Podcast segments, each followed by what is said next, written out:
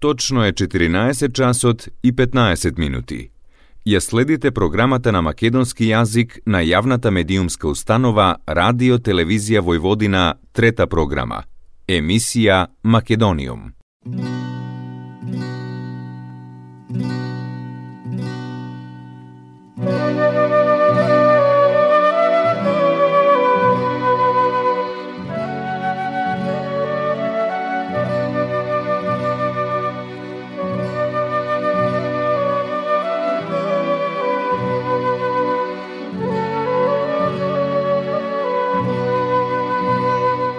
Македониум.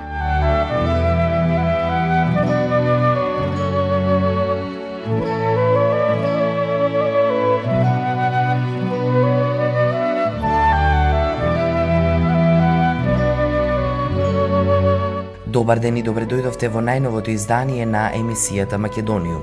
Со вас почитувани слушатели, секоја среда од 14 часот и 15 минути на третата програма на радиото при Радио Телевизија Војводина е вашиот уредник и водител Јулијана Милутиновиќ. Македониум Вечерва во рамките на прославувањето на деновите на македонската култура во Нови Сад, во културната станица Екшек со почеток во 19 часот ќе се одржи вечер на традиционална македонска песна. Оваа вечер е во рамките на организацијата на деновите на македонската култура во Нови Сад од Македонското здружение Свети Кирил и Методи.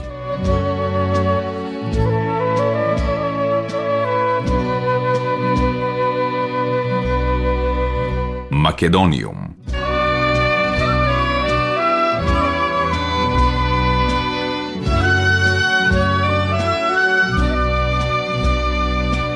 Сдружение на джез музичари и слободни уметници од Скопје е невладина организација основана во април 2016 година со единствена цел да ги обедини джез музичарите од Македонија и да ја афирмира и популаризира македонската джез музика во земјата и надвор од неа.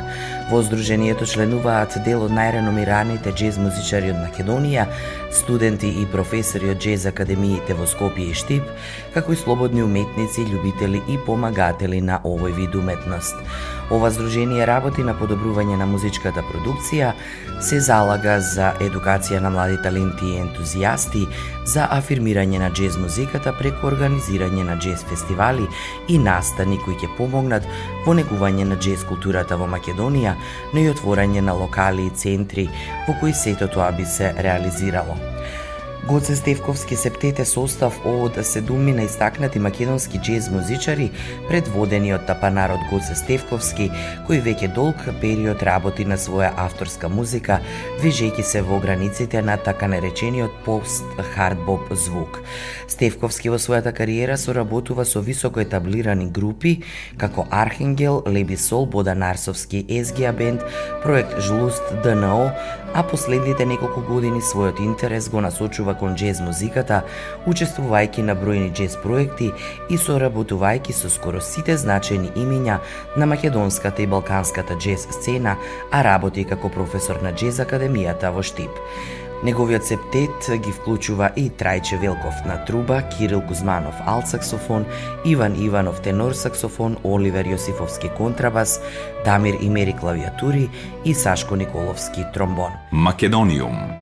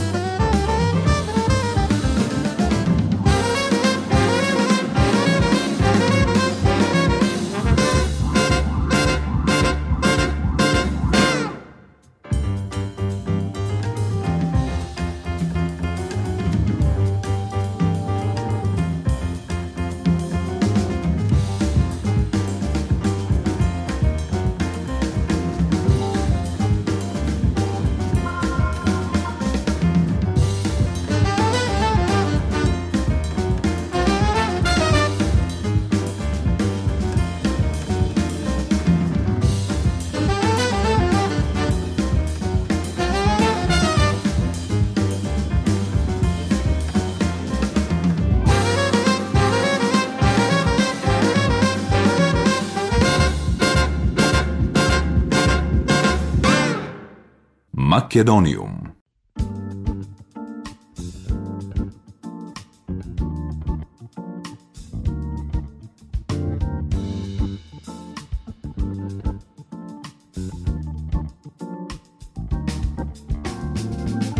Со Гоце Стевковски имав прилика да зборувам неодамна во Скопје, а поводни беше токму отворањето на националната институција Джез Оркестар во Македонија.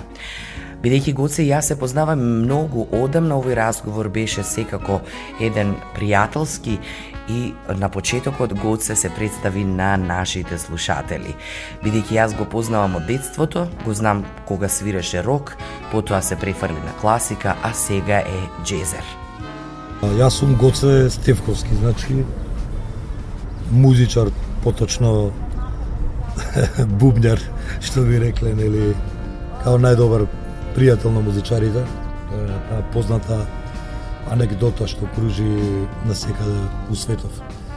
А, да, почнавме од средна школа со другарите од музичка школа да свириме рок н рол за да подоцна се заразиме малце со тој джез рок фьюжн стил да го речам па некако со годините веројатно како зрееме преминавме у разноразни проекти од типот, не знам, world music, па и джез, ама некако се уште мислам дека рок-н-ролот него не пуштаме така да што и да свириме рок-н-рол е рок н Македониум.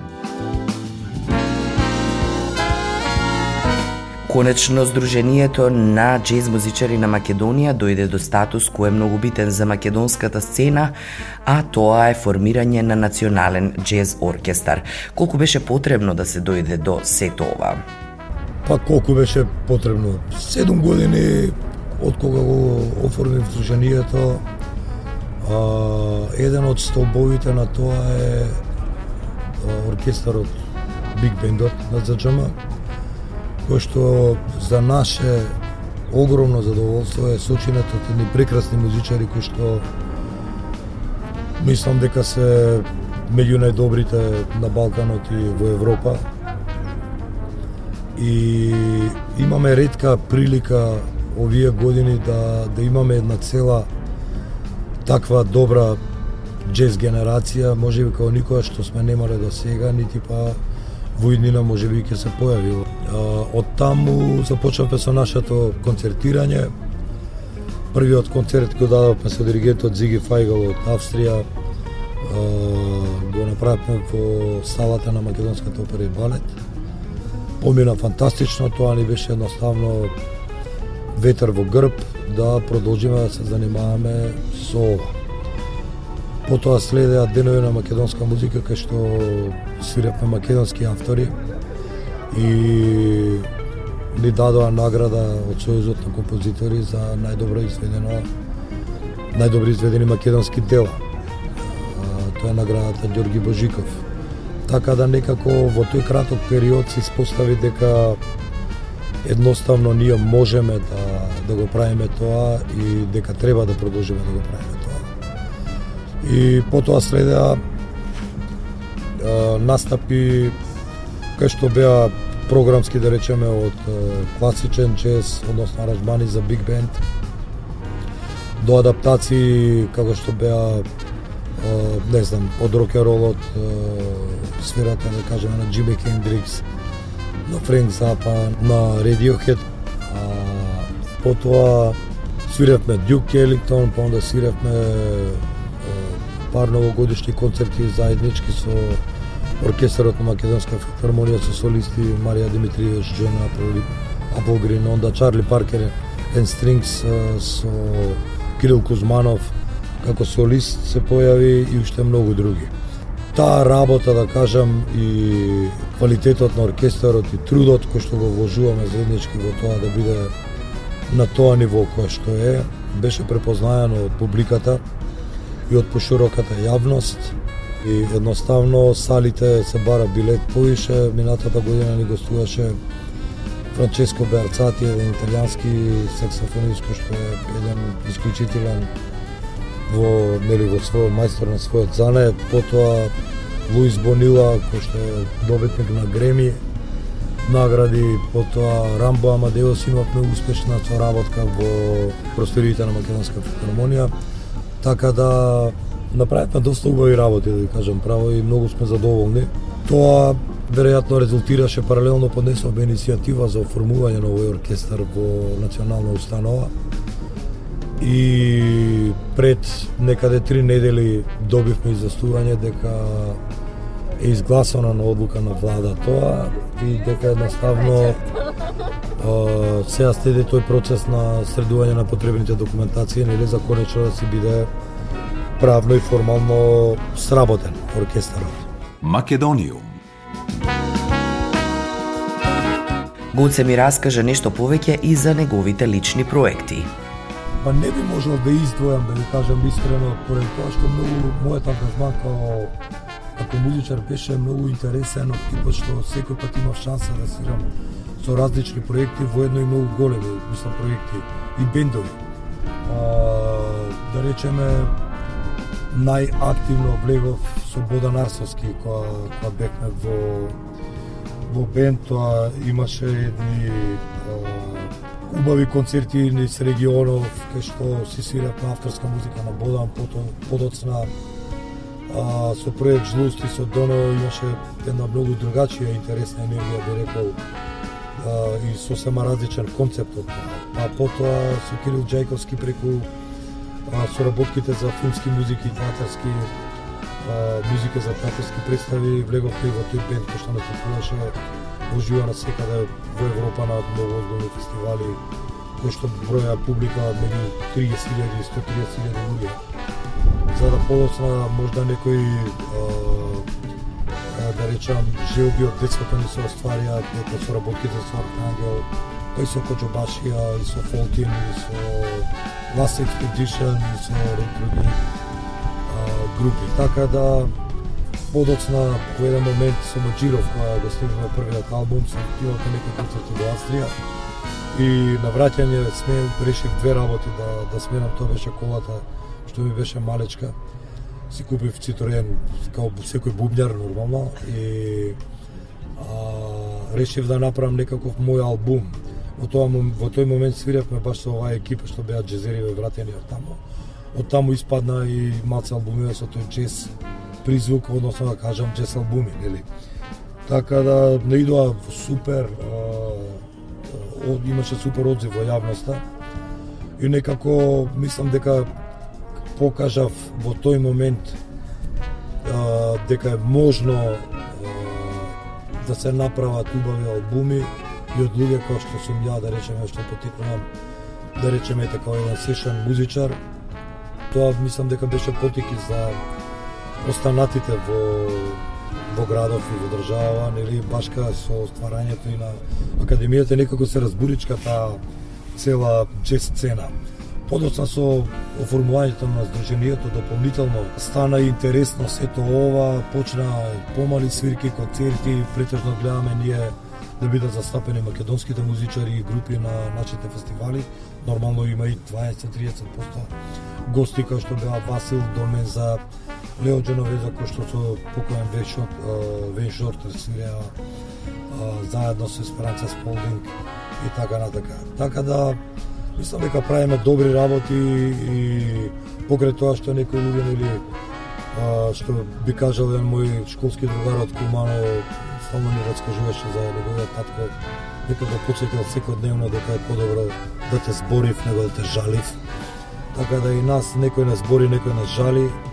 Меѓутоа, фала Богу, добри сме, супер сме, идеме напред, правиме убави работи, тоа е единствениот наш водиш, да речеме, до сега во животов сметам дека ќе продолжиме и понатака да се однесуваме така, највеќе ради публиката или обратно може највеќе ради нас да се бидеме чисти пред себе, а потоа и ради публиката која што а, ни дава несебечна подршка сите овие 30 години, генерации и генерации се поминати заедно со нас, дали преку клубски свирки, дали преку концерти и така. Македониум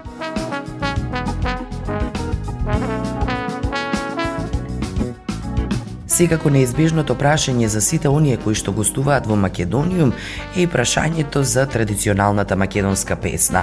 Па имам, да, ми се свиѓа многу ова подрум одам мајче, подрум шетам, та и на деца и ја пеав кога беа мали, пошто студиото ми беше доле во подрум. И стално кога каснев, за заспијат им ја пеев, да. И Јано Мори исто ми е врвен хит. И три години стана. Мислам дека и Никола Бадев вака би го издвоил заедно со Кирил Банчевски као едни од луѓето кои што највише ги мислам ми лежат како како стил веројатно и како пејачи и така натаму. Нормално да не зборуваме за Сариевски, за Јонче и за целата екипа кои што тоа се прекрасни уметници кои што имаат останано голема трага во македонското творештво. Македониум. Едно од прашањата кои што ги зборував со Гоце е она што е интересно во последниве неколку месеци со отворен Балкан дали имаме шанси да го видиме националниот джез оркестар во Војводина или во Србија. Ние сме расположени, ние таков настап имавме, мислам не преку отворен Балкан, бевме во Тирана, бевме во Загреб, го отворивме Загребскиот фестивал со Курт Елин, кој што три години поред е исто фантастичен добитник на Греми, така да хрватските медиуми, на пример, имаат ептено на позитивни реакции. Недела дена по 10 дена ни праќа од портали, од интервјуа, така да многу добро поминавме во регионот. Ние секако дека сме заинтересирани да, да настапиме било каде на Балканот, меѓутоа сметам дека во овој период сме малце презафатени околу ова што ни се случува и тоа ќе се заврши брзо и ќе притекнеме кон убавите работи. А тоа е концертирање дома и концертирање надвор од државата Република Македонија. Македониум.